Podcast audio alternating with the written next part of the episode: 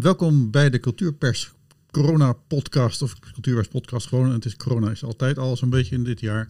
Ehm, we praten vandaag met uh, Monique Merks van ehm, Max. Nee, is er Maas, uh, Maas Theater en Dans uit Rotterdam. die neemt daar afscheid binnenkort. 3 februari geloof ik is het officieel. Uh, je bent artistiek leider uh, van uh, toch een van de belangrijkste, meest toonaangevende jeugdtheatergezelschappen in het land. Monique Merks, hallo. Hi. Hi. Hallo. Hey, um, leuk dat we elkaar even kunnen spreken. Ik heb niet alles van jou gezien. Zeker de laatste tijd ben ik niet meer zo heel vaak naar het jeugdtheater geweest. bij gebrek aan kinderen. En nou goed, dat, dat soort. Eigenlijk, daar gaan we het later nog over hebben waarom dat eigenlijk zo raar is. Dat je, nou ja, dat je, dat je daarvoor kinderen nodig hebt. Um, en uh, uh, ik wilde eigenlijk beginnen met een um, punt. Ik, een, een, quote die komt uit een boekje wat jij gemaakt hebt. Samen met Joey Smits. Um, en ik vond die quote eigenlijk wel heel raar. Dus laten we die ook maar gewoon even als vraag voor hier stellen. Wat zou het raarste zijn dat hier kon gebeuren?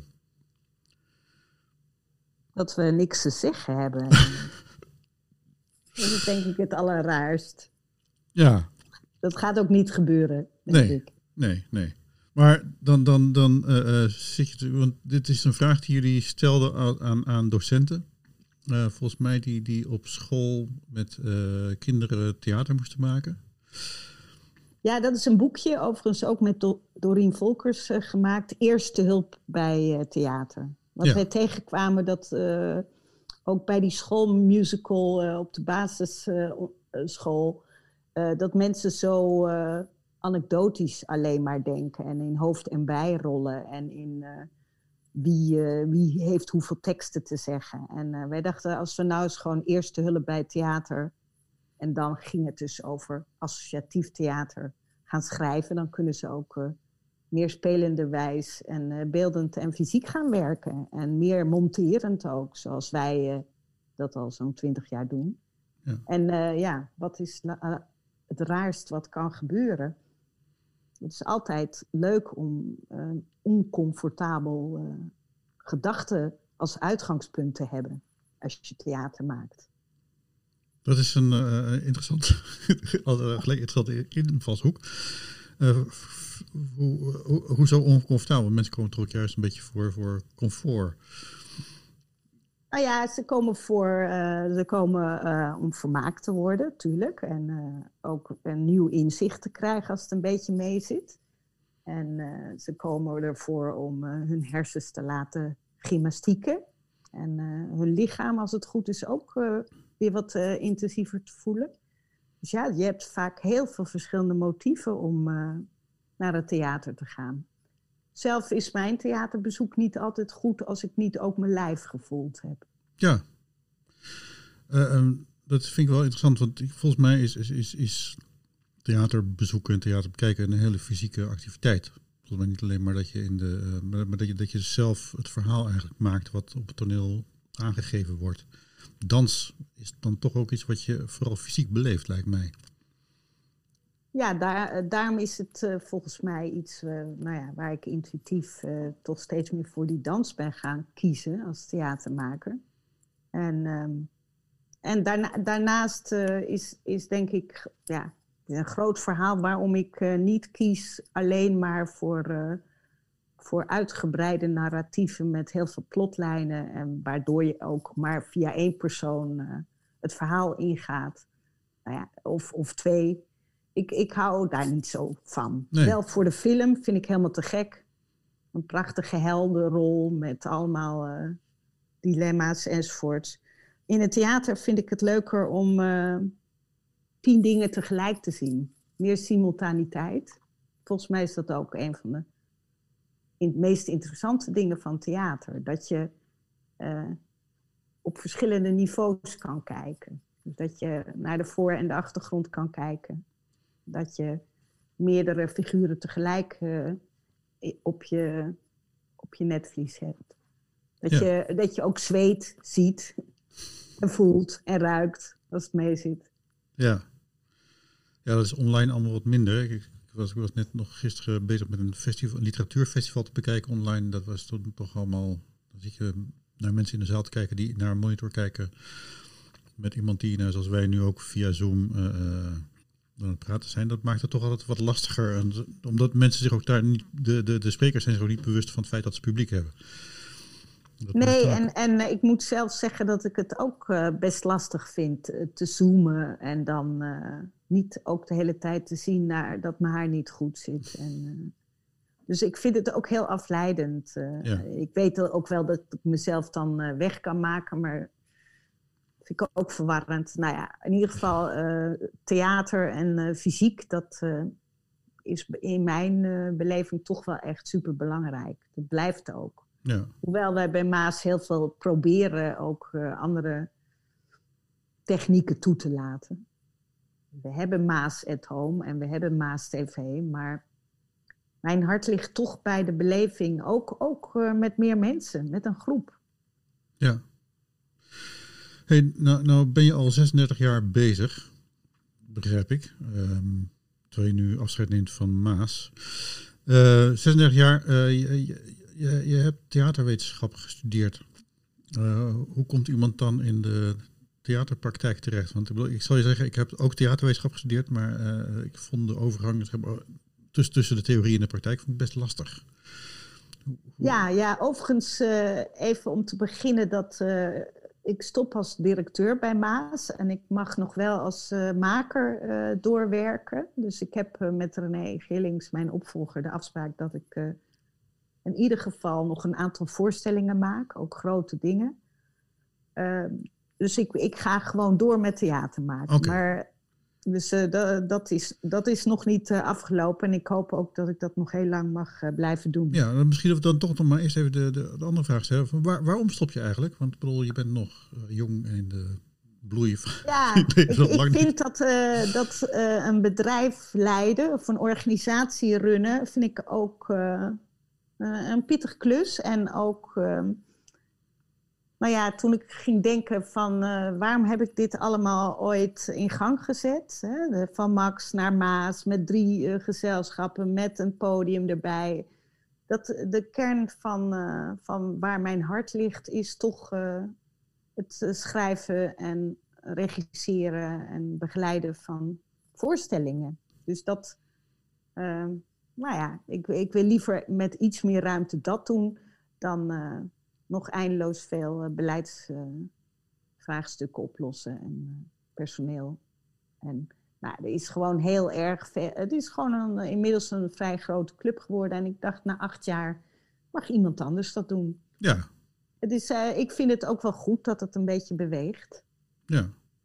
Ja, dus, maar we kunnen dan wel eh, spreken van het einde van een tijdperk, want een van jouw medeoprichters, Joran, Jolanda Spoel, uh, vertrekt, is vertrokken al naar het uh, Belmer Parktheater.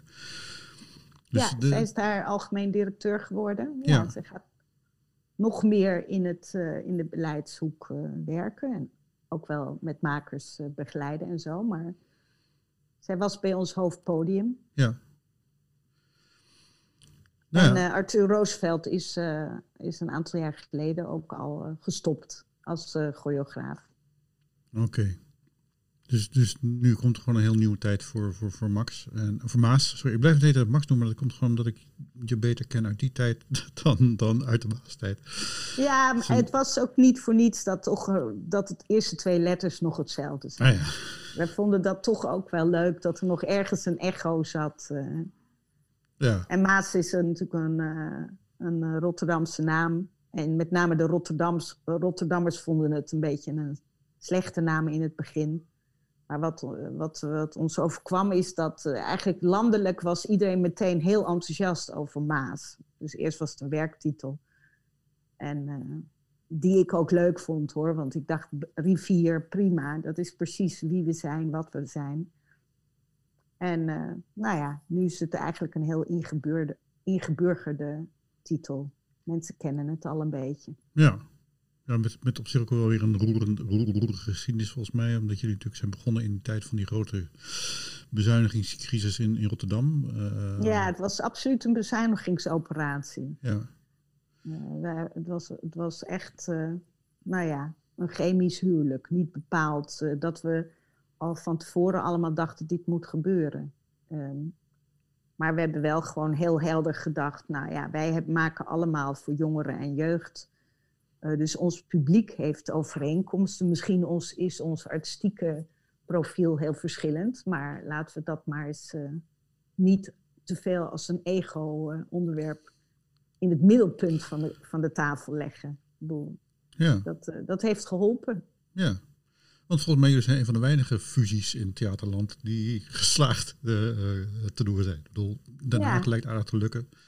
Amsterdam Dankjewel, is ja. overname, uh, Rotterdam, Theater Rotterdam. Nou, dat lijkt nu misschien in rustige vaarwater te komen, maar, maar jullie zijn volgens mij redelijk smooth overgegaan. Ja, we, we hebben echt, uh, nou ja, wat ik zei, met name door niet het de hele tijd over onszelf te willen moeten dwingen hebben, maar om, om toch het, een wat uitzoemender gedachten in de gaten te houden, is het volgens mij gelukt. En, uh, en dat, ja, laat ik zeggen, mijn, mijn rol werd geleidelijk aan dan directeur. Of dat, dat was in het begin natuurlijk helemaal niet duidelijk dat ik dat zou gaan doen.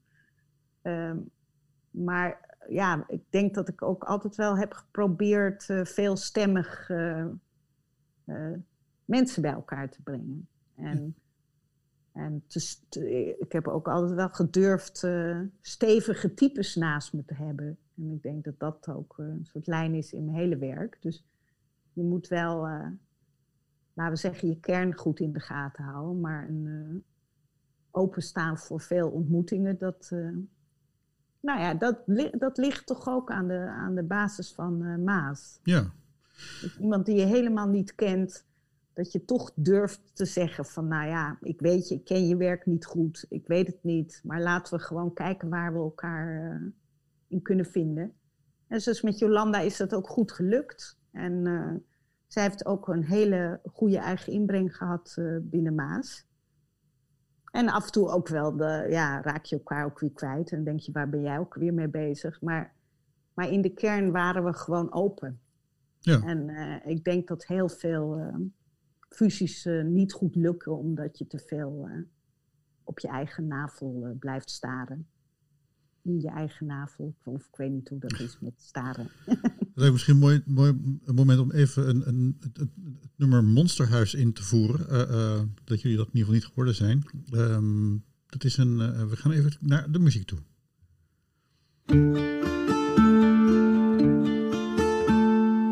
Oh,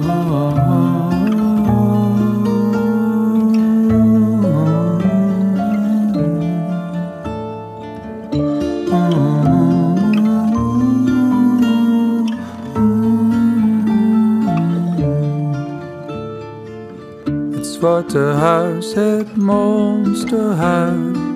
Daar hebben ze een monster thuis. Wat daar gebeurt gaat niemand aan. Blijf maar buiten, blijf maar staan. Boos en stroef, daar staat het huis. Daar houdt het vieze monsterhuis. Alleen maar spinnen en venijn. Blijf er weg en hou je klein.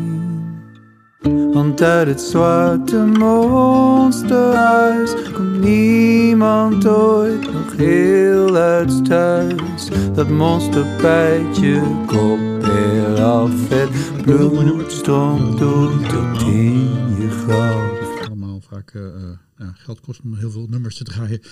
Um, uh, Monsterhuis, wat mij opvalt aan, aan jouw producties, daar gaan we het langzaam zeker ook wel een beetje over hebben, is dat, er, dat het eigenlijk bijna halve popconcerten zijn. Vaak. Dus, dat, dat, dat. Had jij niet liever een, een, een, een bandje gehad, eigenlijk? Leuk, leuk dat je dat zo uh, ziet.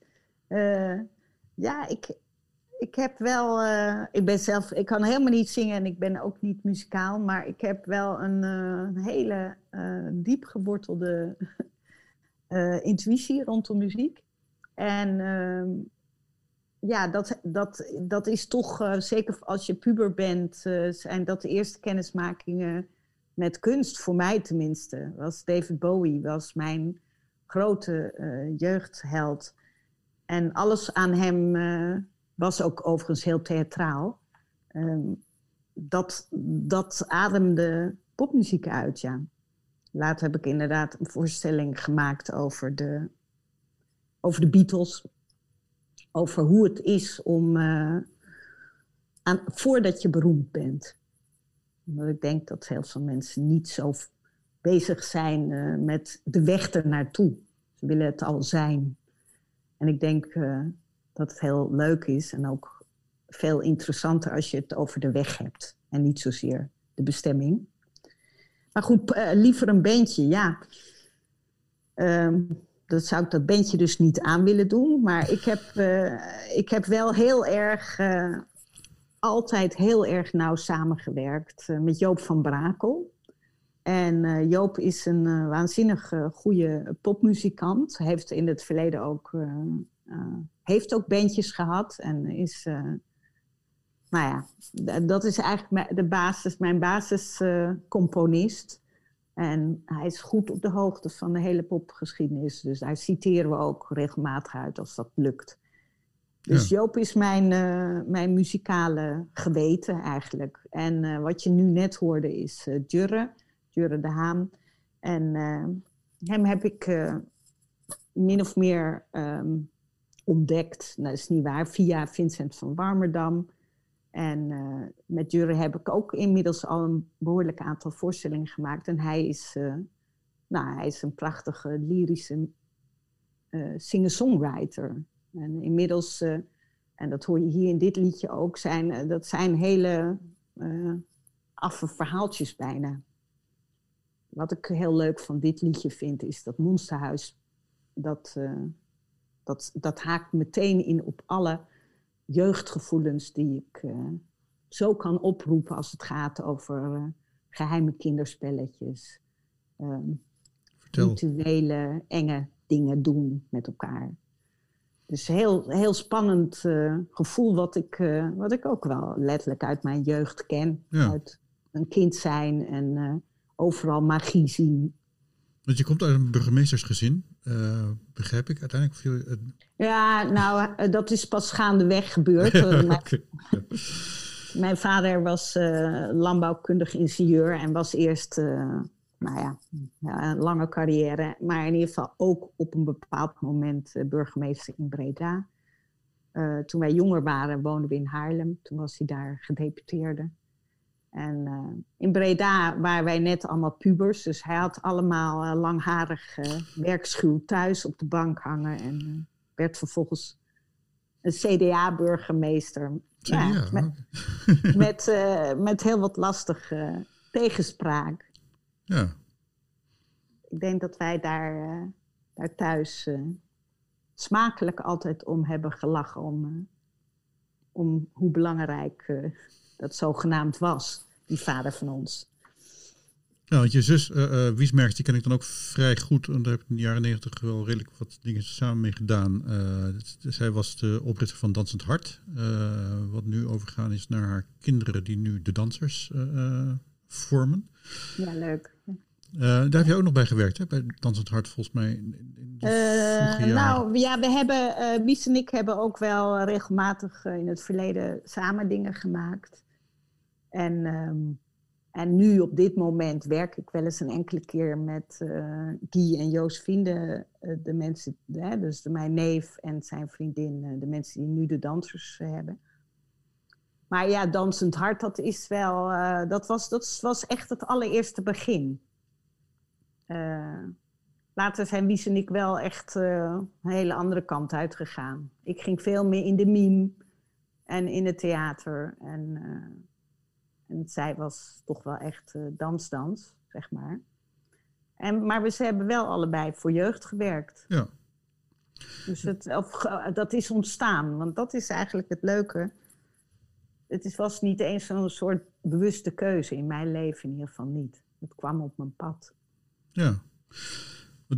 Het is een gezin met acht kinderen, geloof ik? Of hadden jullie er ja. zes kinderen en twee ouders? Of acht, vijf jongens en, uh, en drie meisjes. Zo, En uh, waar zat jij ergens in de, in de rangorde? ja, nummer vijf. Uh, dus twee jongens boven me en twee onder me. Dus ik lag altijd op een stapel uh, onderaan, een stapel jongens. Dus ik ben, wat dat betreft. en wie zat, zat een eindje boven mij? Dus die was wat verder weg. Nou ja. Dus, je, je, je, zat wat meer bij de. Bij de bij, dus, dus zeg maar, de associatie die ik met jouw voorstellingen vaak heb, dat het een beetje punk is, dat klopt dan wel. Ja, ja, ik denk, uh, ik ben, nou ja, toen ik afstudeerde uh, en, en uh, echt in de jaren tachtig heel erg no future. Ehm, ja, was een wilde tijd. Meer, ja, de, de Smith en, en, en inderdaad punk en de Sex Pistols. meer die, die, dat genre. Kijk, David Bowie was natuurlijk de puberheld, maar daarna kwam, kwam die hele punk en nou, klinkt nu uh, alsof ik dat heel erg uh, volgde, maar ik was wel uh, geïnteresseerd in, in dat wel wat, wat stoerdere werk, ja.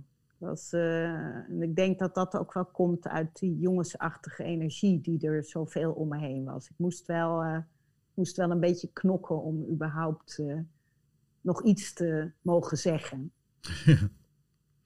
Dat, uh, dat ging niet altijd makkelijk. Dus dan moest je wel even stampvoeten. Of, uh...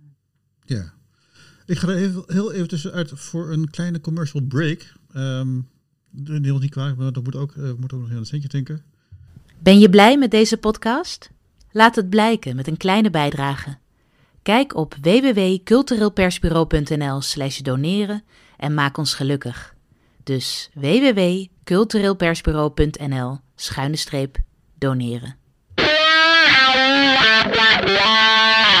Oké, okay, we praten dus met uh, Monique Werks. Uh, we zitten hier gewoon een beetje radio te spelen. Uh, heel erg, ik, vind het, ik vind het persoonlijk heel erg leuk. We wilden vroeger dit ook al heel graag doen. dus we kunnen het nu doen. ik hoop dat je dat niet heel erg vindt, Monique. ja, ik vind het heel leuk. Ik vind het heel leuk. Hey, um, we, hadden het even over de jaren tachtig. Je zei daar wel natuurlijk iets interessants. Het was een no-future tijd. een hele diepe crisis die heel lang duurde. Uh, volgens mij zijn we er pas in 1994 uitgekomen, geloof ik, economisch gezien. Um, de jaren van Lubbers, ik heb net Lubbers. Als je toen afstudeerde of ging studeren überhaupt, dan ging je bij, voorkeur of informatica doen of een totaal zinloze studie. Ja, en de meeste van mijn vrienden, van mijn zeg maar niet-theatervrienden, die werden ook, die studeerden en dan werden daarna timmerman of metselaar. En, en de, van mijn theatervrienden ja, die gingen ook meestal maar wat anders doen, erbij klussen en zo. Dus is best in die tijd een hele generatie theatermakers opgegroeid die niet per se zoveel kansen hadden. Um, en ehm, nou ja, je had bijvoorbeeld zo'n groep als Growing Up in Public. Dat waren ook zo, dat waren echt succesvolle mensen. En nou ja, de, dat, werd ook, dat werd er toch ook allemaal weer uitgegooid. Je had natuurlijk de, uh, laten we zeggen, de babyboomers, die hadden de plekken.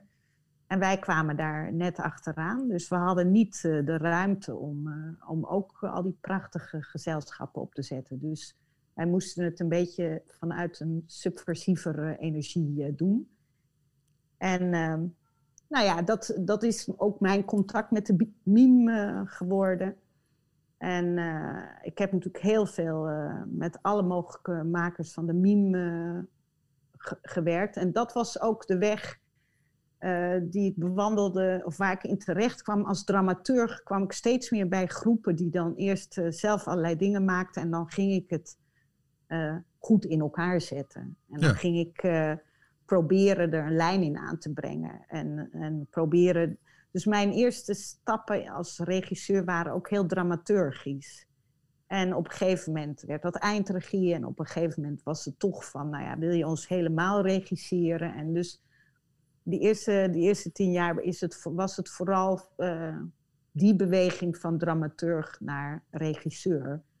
En, uh, en er waren een heleboel kleine clubjes en het was met heel weinig geld. En, Suvernuver is een van de bekendste namen uit dat geheel, uh, volgens mij, ja. wat, je, wat je hebt gedaan. Daar heb ik dertien uh, voorstellingen meegemaakt. Ja, 13. Dus dat is dan tussen 1987 en 2000 volgens mij zo'n beetje, denk ik. Zoiets, ja. Ja. ja. en, en ook nog wel bij, eh, bij Max. We hebben ook, eh, we hebben ook nog eh één of twee keer echt een voorstelling gemaakt eh, voor jongeren met de Suvernuvers. En eh, nou ja, ik, ik ben nu nog weer eh, iets kleins aan het maken met eh 30 Glashouwer, een van de leden. Dus het zijn, dat zijn eh, wel mensen die eh, terugkerend eh, mij ook beïnvloed hebben in het maken. Ja, want zeg maar, dat jij in de meme zat, was viel zeg maar, samen een beetje met de opkomst van de meme überhaupt als een specifiek Nederlandse kunstvorm, volgens mij. Want meme moeten het dan was, bij, eh, voor, voor de mensen die misschien dat er een, een, eh, iemand meeluistert die niet eh, eh, op de hoogte is van, van, van deze dingen, maar eh, dat, dat het eeuwig moet uitleggen dat het niet met witte handschoentjes en een wit geverfd gezicht raar eh, doen alsof je door een ruit loopt of tegen een ruit aanloopt eh, is, maar dat het een kunstvorm is waarbij beweging belangrijker is dan tekst. Volgens mij is dat een beetje. Ja, nou, ik, ik, eh, ik, ik, ik heb eh, zeg maar in niet-theaterkringen heb ik het er ook eigenlijk nooit over. Want ik noem het liever fysiek theater, om, eh, omdat het is gewoon theater. En het gaat eh, vaak wel vanuit het lichaam, maar ook, eh, het zijn vaak ook mensen die toch eh, behoorlijk met taal omgaan. Maar ze, ze werken niet vanuit eh, repertoire bijvoorbeeld. Dus zelden, eh, hoewel we dat ook wel eens gedaan hebben. We hebben met Suvernuver een, eh, een stuk van Lodewijk de Boer heel erg bewerkt, vlees en bloed. Nou ja, dat was dan een stuk van 400 pagina's en dat bewerkte ik dan tot 25 pagina's. En, en nou, dat werd een voorstelling, dat was een superhit. En Lodewijk de Boer kwam ook kijken en die zei: Ja, dit, zo, zo moet dit stuk in deze tijd verteld worden. Het was En de dat- legendarische voorstelling The Family, volgens mij een driedelige, Ja. vierdelige theaterserie, die uiteindelijk door jullie in, in anderhalf uur doorheen gejast eh, werd. Dat- Ja, en eh, hij was er super blij mee. Dat, dat vonden wij natuurlijk heel spannend. Maar ehm, dus het, het, vanuit het fysieke, eh, eh, ja, in, in, in het hele non-verbale kun je zoveel kwijt. eh, wat je in duizend woorden eigenlijk nauwelijks kan vertellen.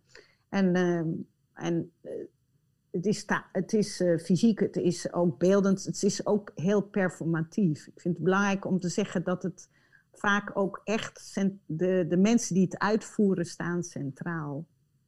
Dus dat zijn niet altijd mensen die heel erg transformeren, eh, maar meer eh, hun persoonlijkheid, nou ja, ik wil zeggen uitbuiten, maar, maar hun persoonlijkheid in de waagschaal stellen. Dus, dus durven dingen te doen die, eh, nou ja, die, die bij, eh, bij het theater eh, vaak niet in een personage ver- nou, dit is eigenlijk dit is niet zo goed, hè? Nou ja, het gaat misschien een beetje abstract, maar laten we het even kijken hoe, of we het concreet Ja. kunnen maken. Want jij noemde op een gegeven moment een voorbeeld van dat, dat, dat zeg maar, jouw personages hebben geen geheugen. Ja, dat, is- dat zeg ik altijd in het repeteren. Dat, eh, dat ik eh, speel met jongens, je, je doet het gewoon, je hebt het al gedaan en daarna denk je pas van, oh, wat, eh, waarom deed ik dit? Dus dat hele, mijn personage doet dit niet omdat hij vroeger gepest is, dat, dat werkt bij mij niet. Eh, eh, je, je hebt een soort van impulsstroom waarop je leeft, waarop je aanwezig bent op het podium. En, eh, en dat is heel geraffineerd, het is allemaal afge- afgesproken en vastgelegd.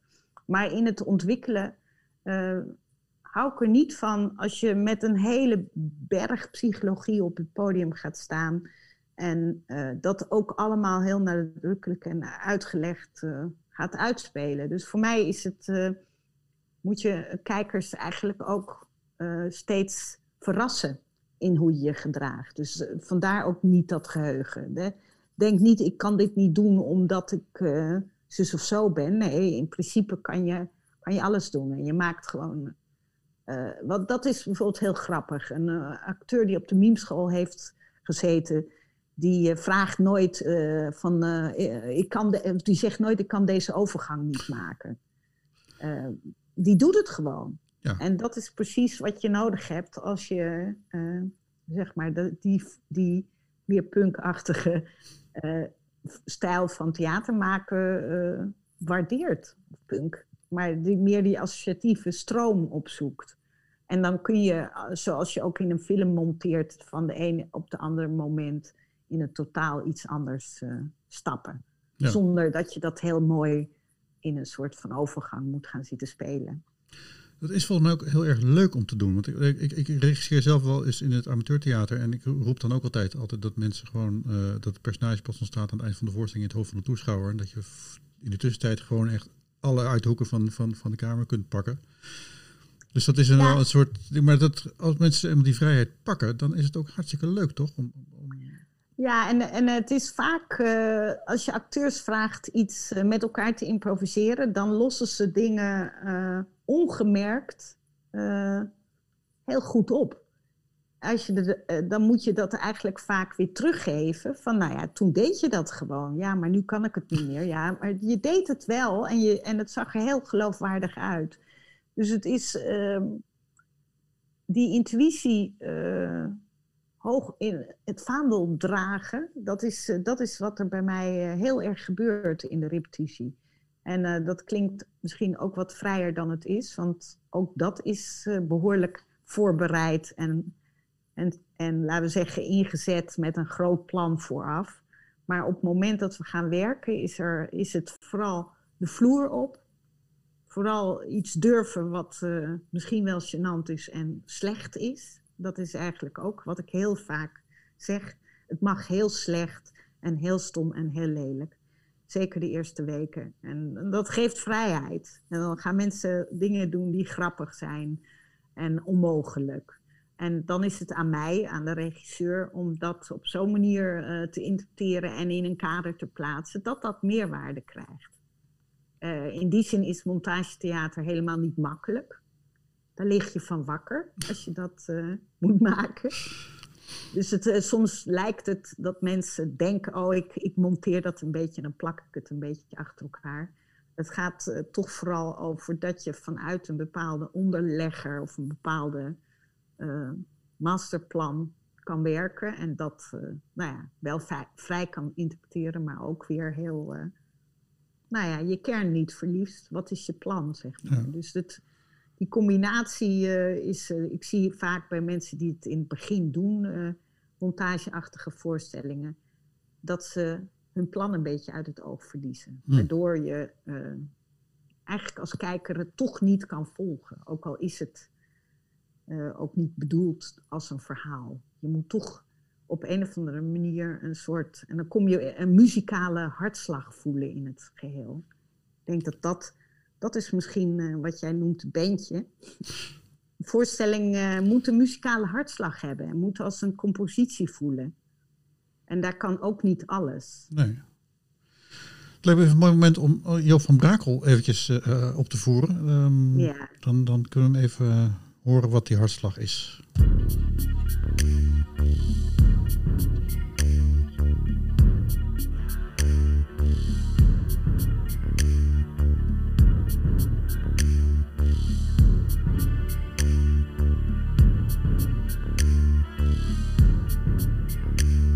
If you wonder what I'm at, if you wonder what I do, I'm spending moments with myself that I could have spent with you. That's what I do.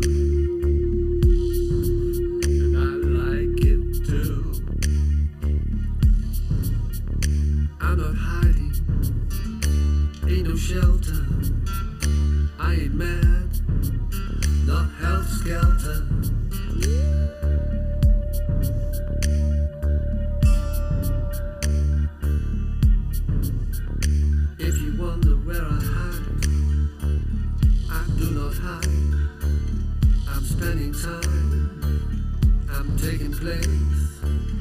Draai hem even een beetje weg. Um, ook weer op even dingen, laten we hem een beetje opstaan. Heb je er ooit over gedacht om uh, platen uit te brengen van uh, de voorstellingen? Ja, dat is ook meerdere malen gebeurd trouwens. Um, Jurre doet het, uh, of die, die maakt sowieso altijd playlists. En staat geloof ik ook, zijn werk staat vaak op Spotify. En het werk van Joop is, staat ook, we hebben altijd op allerlei Soundclouds en manieren, we hebben ook wel her en der het verkocht bij voorstellingen. Eh, ik herinner me Peter Pan. We hebben ook nog speciaal opnames gemaakt. Ehm, maar eh, zijn muziek, Joop is eh, veel, veel te bescheiden eigenlijk. Ehm, die, ehm, die had gewoon ook eh, popmuzikant kunnen worden. En eh, gelukkig eh, is hij dat niet ge- geworden, maar is hij componist bij het theater geworden. En ehm, ja, hij, hij, hij, had dat kunnen doen. Ik denk dat dat had gekund Ja. met zijn muziek. En misschien kan hij het alsnog doen. Misschien moeten we het er eens over hebben. En ik weet dat, dat we bij Maas ook altijd wel weer proberen die, die muziek te promoten. Ook na de, na de voorstelling. Ja. Soms willen mensen dat ook. Ook eh, ja, zeker kinderliedjes zijn heerlijk om, eh, om vaker te horen. Nou, wat we tot nu toe gehoord hebben, vind ik allemaal helemaal geen kinderliedjes. Ik bedoel, het is gewoon eh goede, goede, goede, goede popmuziek, dacht ik. Toch een beetje. Ja, en dat is geen paradox. Nee. Ik denk dat ik ook altijd goede popmuziek, goeie- goed theater maak. En toevalligerwijs vinden kinderen dat dan ook Ja. leuk. Dus het uitgangspunt is eh, goede dingen maken. eh, waar je ook zelf eh, helemaal trots op bent en achter staat. En dan mogen kinderen daarbij zijn. En dan kunnen ze daar soms op hun eigen manier op reageren. En natuurlijk, ik bedoel, ik, ik maak ook echt voor, voor de kinderbrein.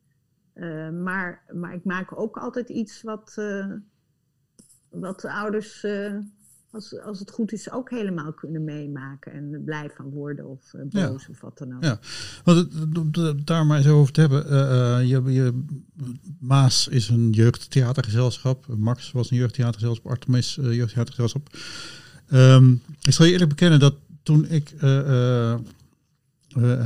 in, in, in de jaren negentig uiteindelijk voor het recensentenvak koos, of tenminste daar, daarin werd gekozen, ehm, was ik een tijdje mijn liefde kwijt geweest voor het theater, omdat ik het allemaal van die ingewikkelde, serieus zichzelf humorloos eh, makende voorstellingen vond. En dat ik mijn liefde terugvond via het jeugdtheater. Eigenlijk, dat is... Eh, ehm, Dat is mooi. ja, en ik gun dat eigenlijk zo ontzettend veel mensen, omdat ik dus merk van, van nou, dat heel veel mensen theater een beetje eng vinden, een beetje moeilijk, een beetje, een beetje, beetje ingewikkeld, een beetje, een beetje navelstaarderig. En dan gun ik het zo, weet je wel, van, van ga dan eens naar een jeugdvoorstelling en zie je gewoon hoe je direct geraakt wordt. Ik bedoel, in de meeste gevallen gebeurt dat namelijk. Ik bedoel, het is niet alleen jij, een doel die dat voor elkaar krijgt, maar je zit in een soort jeugdtheaterveld heeft een aantal makers die heel erg recht op het hart kunnen, kunnen werken. Die de ouders even goed kunnen aanpakken als, als eh, de kinderen waarvoor het dan officieel bedoeld is. En ik mis dat heel vaak toch. In, ja, even de goed niet nagelaten. Maar ik, ik merk dat ik dat in het volwassenentheater dan vaak minder heb. Dan is de afstand groter, lijkt het. Ja, ik heb het eh, zeg maar ook in mijn eigen carrière ontdekt. Dat ik op een gegeven moment dacht, ja, eh, ik kan geloof ik ook meer mijn hart laten spreken als ik voor jong publiek iets maak. En ik durf dan meer en ongegeneerder gewoon dingen eh, te kiezen die eh, nou, misschien niet helemaal super artistiek verantwoord zijn, maar die ik gewoon, eh, waar mijn hart sneller van gaat kloppen, of waar ik blij van word, of die ik een beetje eng vind, maar daardoor juist zo lekker. Dus ik, ik, ik heb gewoon gemerkt dat er in mij meer ging stromen naarmate ik, nou ja, eigenlijk ook zo veel energie tegenover me kreeg. Want dat is wat je moet gaan eh, leren waarderen. Dat je eh, in een zaal eh, zit met, met gewoon een hele eigen dynamiek. Met lawaai of met commentaar. Of, en dat is iets wat je als theatermaker... nou ja, er zijn er veel theatermakers die daar bang voor zijn. Die, daar hun neus voor ophalen. En bij mij heeft het zo uitgepakt dat ik daar eigenlijk juist enthousiaster van werd. Of dacht van, oh ja, dit is, dit is, eh, dit is wat ruiger en dit is, eh, dit is levendiger. Hier is meer actiebereidheid. En eh, ik, ik viel gewoon ook iets te vaak in slaap bij het volwassen theater. Dus dat, dat is gewoon zo ontstaan. En, en ook doordat ik vaker dacht, ik ga dit maken voor die en die, kreeg ik ook meer, ehm, nou ja, creatieve variatie in mijn hoofd. Ja, want dat is denk ik ook wel belangrijk wat je zegt. Omdat eh, als ik dan zoek naar de verschillen tussen het maken voor jeugd en maken voor volwassenen, is dat, dat toch eigenlijk het belangrijkste dat je bij jeugd een publiek voor ogen moet hebben voordat je begint. Ja, en dat is, eh, dat is een beetje zo. Kijk, eh, ik, ik heb toch, ik hou mezelf wel nog altijd als hoofdrichtlijn. Want, eh, en dan heb ik natuurlijk een, laten we zeggen, een, eh, een puberachtige energie waar ik op maak. Of ik heb een meer verwonderende kindenergie. En, en, en die energie in mezelf, die, die kan ik inmiddels vrij makkelijk oproepen. En, ehm, dus je, maar je denkt wel na. Ik denk wel meer na eh, van, nou, bijvoorbeeld voor kleinere kinderen vind ik het altijd wel fijn als er aan het einde een soort van groot bevrijdend eh, feest is. Een beetje dat, het idee van een happy end. Eh, toen ik in het begin bij jeugdtheater ging werken, heb ik heel veel Grim ges- bestudeerd. En dat zijn natuurlijk allemaal behoorlijk brede verhalen. Maar daar zit bijna altijd wel een happy end aan. Of in ieder geval de, de meer bekende sprookjes gaan toch over. Uiteindelijk krijg je de kroon, krijg je de beloning. En je moet dat sprookjesbos doorheen werken. En dan, eh, dan heb je een volgende stap, heb je een groeistap gemaakt. En eh, op een of andere manier ehm, heb ik dat parcours, zeg maar, eh, hoe chaotisch soms ook, eh, heb ik dat ook altijd wel een beetje vastgehouden. Dat het fijn is dat je ergens doorheen gewerkt hebt en dat je dan een kroon krijgt. Ja, En dat je een prins mag worden of een prinses. ja. Dat, Dat voor kinderen in ieder geval vind ik dat. eh, maar waar, waar, waarom mogen volwassenen dat eigenlijk dan niet meemaken? Dat vind ik dan, dan, dan- volgens mij verlangen we daar enorm naar. Dat, dat is, Ja, die, eh, die, die eh, weten natuurlijk allemaal dat eh, als je, en ze leefden nog lang en gelukkig, als je gaat trouwen, dat het daarna pas begint. Hè? Dus die willen natuurlijk niet naar het huwelijk toewerken, die willen er meer uit. Nee, maar, maar die, die hebben natuurlijk ook feel-good behoeften.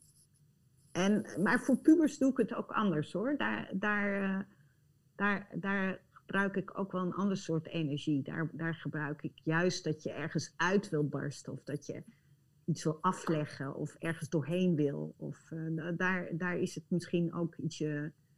ehm, nou, dat, dat, is, dat is niet per se alleen maar feel good. Dat gaat ook over. eh, nou ja, wat, wat ik denk, wat ook meer bij pubers hoort, dat je, dat je ehm, nou ja, je wil afzetten of je wil ergens bij weg. Of je, dus de, en ik denk dat eh, volwassenen al die kleuren nog steeds in zich hebben. Ze willen feel good en ze willen zich ergens tegen afzetten. En, en ik denk dat ze ook intellectueel meer geprikkeld willen worden. En nou ja, dat, dat is eh, vaak zo. Dat ik denk, ja, ik, als ik eh, in een lang toneelstuk zit, dan wil ik of liever een, een film zien, of liever De Groene lezen, of een eh, podcast luisteren. Of... Dus ik merk gewoon dat heel veel van die intellectuele eh, bagage, die ik natuurlijk ook heel erg nodig heb, dat ik die elders wel wil opdoen. Ik, ik ga toch voor, eh, ja, voor, dat, voor dat meer bruisende, energieke feest wat het theater is. En, wat, en, en ook het zien van veel mensen. Ik hou ook van grotere groepen op, het podium. ja, Dat, die kans heb ik ook gekregen bij, bij Maas met name. Dat ik ensembles kon maken. Voor Zing als Liefde en Hallo Familie en Voorjaarsoffer. Mooie, mooie groepen mensen eh, van allerlei pluimage. Die, die, eh, nou, waar je eigenlijk allemaal van gaat houden als je daar een tijdje naar kijkt. Of tenminste, dat, dat, zulk soort theater, eh, daar ga ik zelf gewoon graag naartoe. ja. Ik zag ook een leuke uitspraak van je langskomen. Eh, ik zie mensen niet als kwaadaardige stuwards. Ik zie, het zijn gewoon vaak klungels. Is een van jouw... eh, Wat, wat? Dat, ik zie mensen niet als kwaadaardige sluwaards. Het zijn Oh. gewoon vaak klungels. Ja, ja het, zijn vaak, het zijn vaak klungels. En, eh, en ook vaak onbewust. Ik denk van, eh, we doen wel alsof we het intellectueel allemaal netjes op orde hebben, maar uh, bottom line reageren we gewoon nog altijd ook heel erg vanuit onze primaire gevoelens. en, en die, en natuurlijk kan je allemaal analyseren en het is ook de bedoeling dat je dat analyseert. Maar um, ik ben niet zo heel erg, bijvoorbeeld, nou ja, nu dan gaat het dan ook heel erg over het opkomend fascisme. En uh, ik zie, dat zie ik ook. En het is allemaal eng en het is allemaal gevaarlijk. Maar ik zie, dat, uh, ik zie daar ook mensen die denken dat ze gelijk hebben en misschien niet goed geïnformeerd zijn. En, en zich laten meesleuren door nou ja, de verkeerde vrienden. En er is, er is gewoon vaak heel veel uh, onvermogen om, uh, om het grotere plaatje te zien. En dat maakt mensen vaak meer klungels dan uh, haatdragende gekken. Ja. En laat ik zeggen, ik, ik wil graag meer vanuit vertrouwen naar mensen kijken dan vanuit wantrouwen. En dat is misschien ook waarom ik graag voor jeugd maak maak. Omdat ik dat ook wel graag wil meegeven. Dat, uh, er zijn heel veel rare, stomme mensen, maar ze zijn niet van, van binnen oer en oer slecht. Ze doen gewoon soms domme dingen en dat is, dat is grappig. Ja.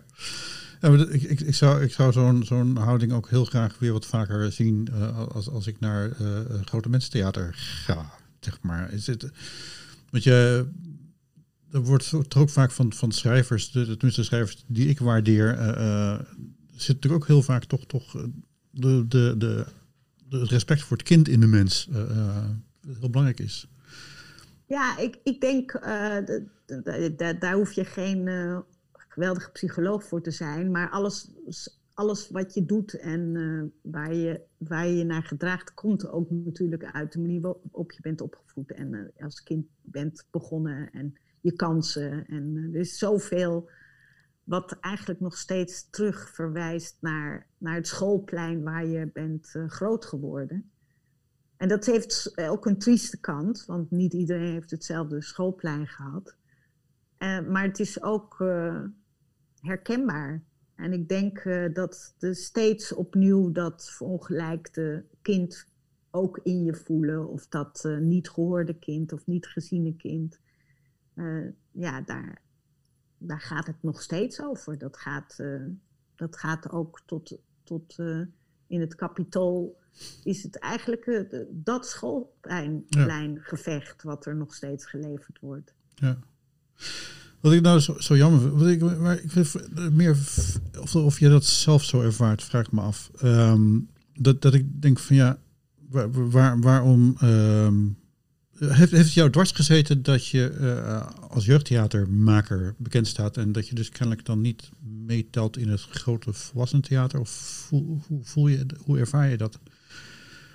Ja, dat heb je soms, uh, soms heb je dat wel. Uh, dat, dat, dat is als het gaat over het uitdelen van de gelden, dan, sta, dan sta je meestal niet vooraan. Krijg je niet het geld wat je eigenlijk ook nodig hebt als het gaat soms om uh, de publieke aandacht in de pers.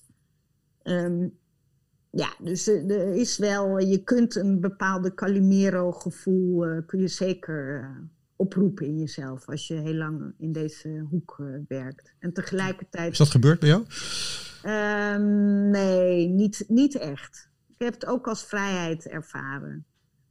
Hmm. Um, dat, eh, kijk, ik heb over het algemeen uh, echt niet te klagen gehad over aandacht van pers. En uh, ik heb, ben goed gevolgd en ik heb ook allemaal mooie prijzen gehad. En, dus ik, heb, ik heb mijn portie wel gehad, in die zin. Ik, ik, daar ben ik trots op.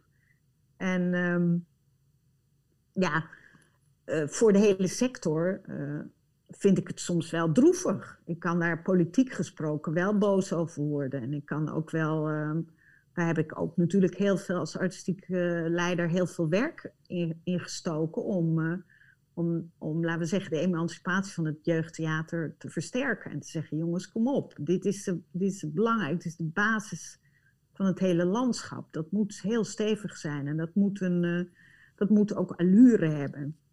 Uh, dus dat moet niet alleen maar met kleine clubjes en uh, goedkope decoortjes. Dat moet ook met stevige, met muziek, met stevige technische mogelijkheden. Met grote vrachtwagens moet dat door het land toeren. En nou, dat is inmiddels ook wel een beetje aan het gebeuren. Maar ja, ook veel volwassen theatergezelschappen die dan een keer iets voor jeugd doen. Die denken alleen maar, oh, dat zijn de melkkoeien als het gaat over publieksaantallen.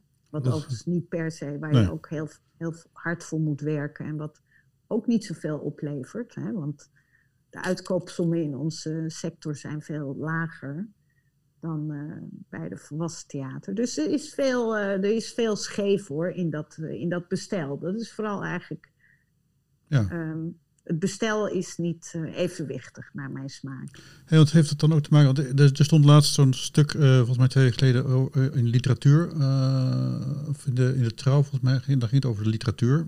Dat is inderdaad ook daar, punt 1, veel meer vrouwen actief zijn in literatuur dan, dan blijkt uit de, de, de lijstjes en de, in, in de kranten.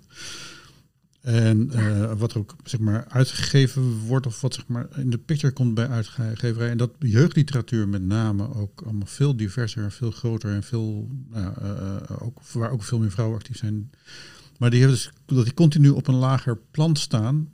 En, is- is, dat nou eigenlijk ook zo erg in de theatersector, waar dus ook de commissies, de pers, mensen zoals ik, ehm, dat, dat die kunst en eh, eh, door vrouwen, en dat ze dan ook nog in de jeugd zitten, weet je wel, dat dat allemaal wat minder serieus genomen wordt dan wanneer je een man bent en eh, moeilijk kijkt bij een voorstelling.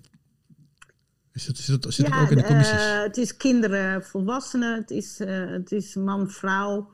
Ehm, ja, het is natuurlijk in, in heel veel eh, ehm, sectoren in de samenleving, de zorg, het onderwijs, eh, waar veel vrouwen werken, ehm, die nou, vaak slecht betaald.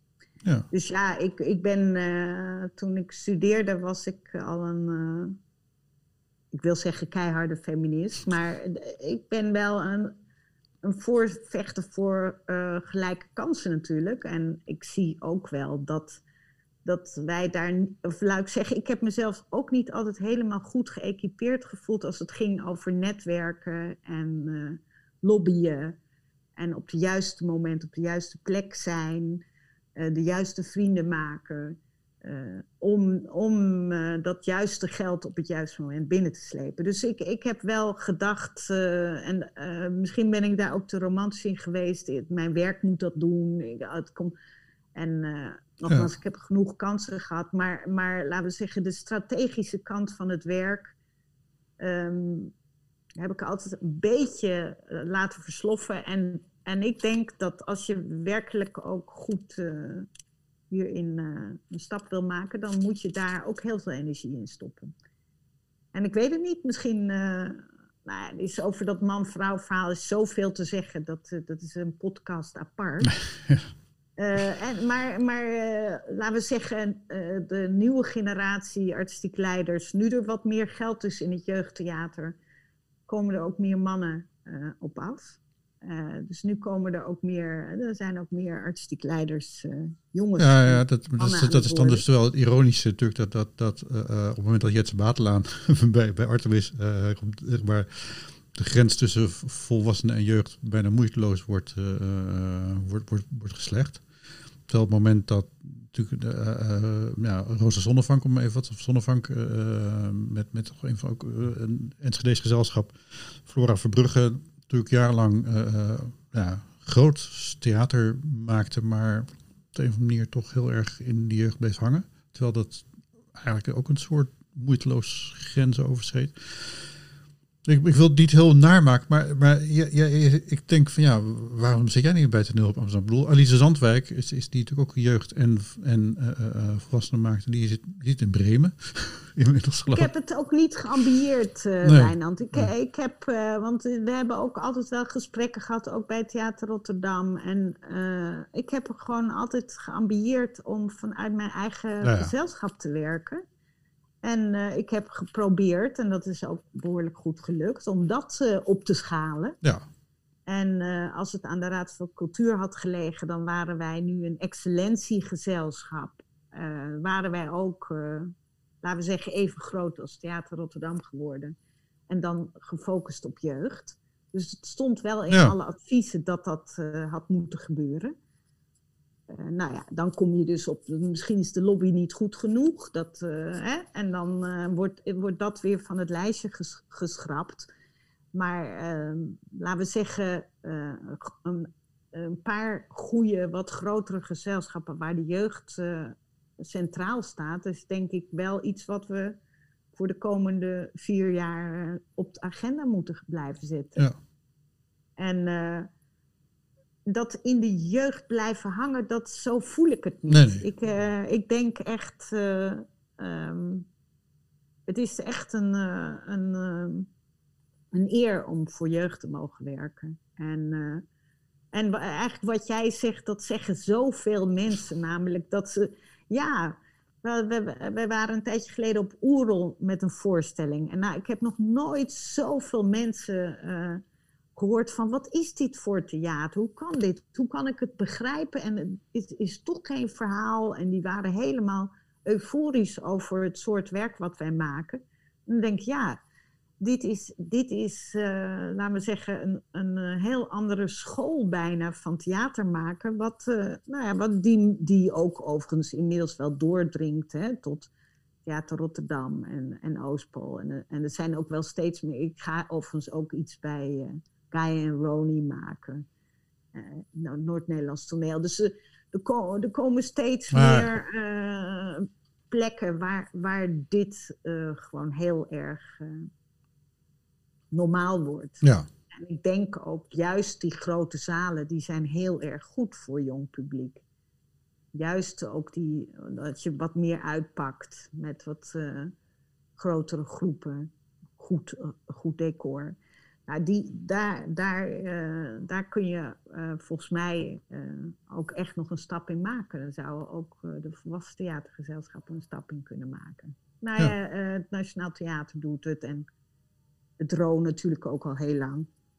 Dus ja. het, gebeurt, het gebeurt wel.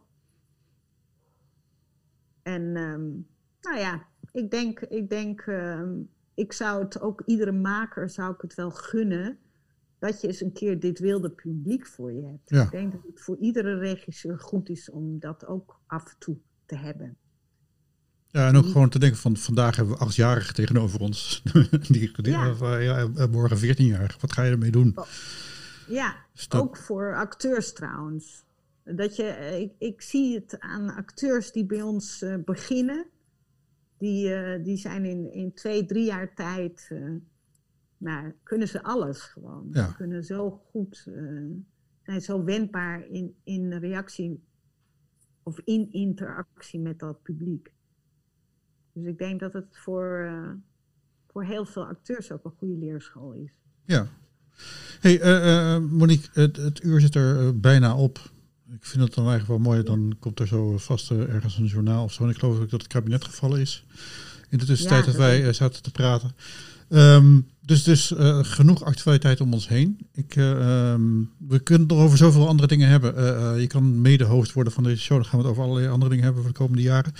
Um, je gaat ehm, afscheid nemen 3 februari bij dingen, maar dat wordt waarschijnlijk een virtueel online gebeuren. Dan komt er nog een voorstelling.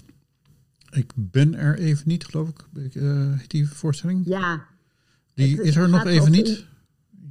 Ik ben, er, ik ben er even niet. Ja. Het gaat over mensen die zich uh, willen terugtrekken. Ja. Negen mensen. En dat is heel toepasselijk in dit geval. ja, de tijdgeest weer perfect te pakken gegeven, maar zo goed ja. dat we misschien nog wel een maandje of twee moeten wachten tot we hem kunnen zien. Ehm, ja, en an- anders gaat hij in de reprise. We zijn al bezig met een eh volgend seizoen misschien eh, te hernemen. Als we allemaal een prik hebben genomen en, en, en gewoon weer veilig met elkaar is armen kunnen liggen. Hey, Ja. ik, ik, eh, eh, eh, ik dank je heel erg hartelijk voor eh, de tijd die je aan, aan deze podcast hebt besteed. En ik, ja, tot een volgende Jij ook keer. bedankt. Ja, Ja, En heel ik, fijn. gooi de af, afsluit tune er even doorheen, dan eh, gaan we verder.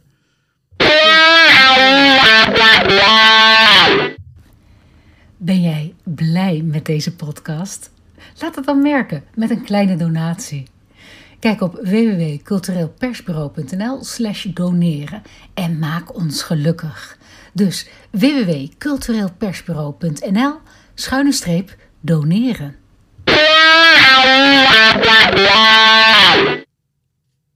ja.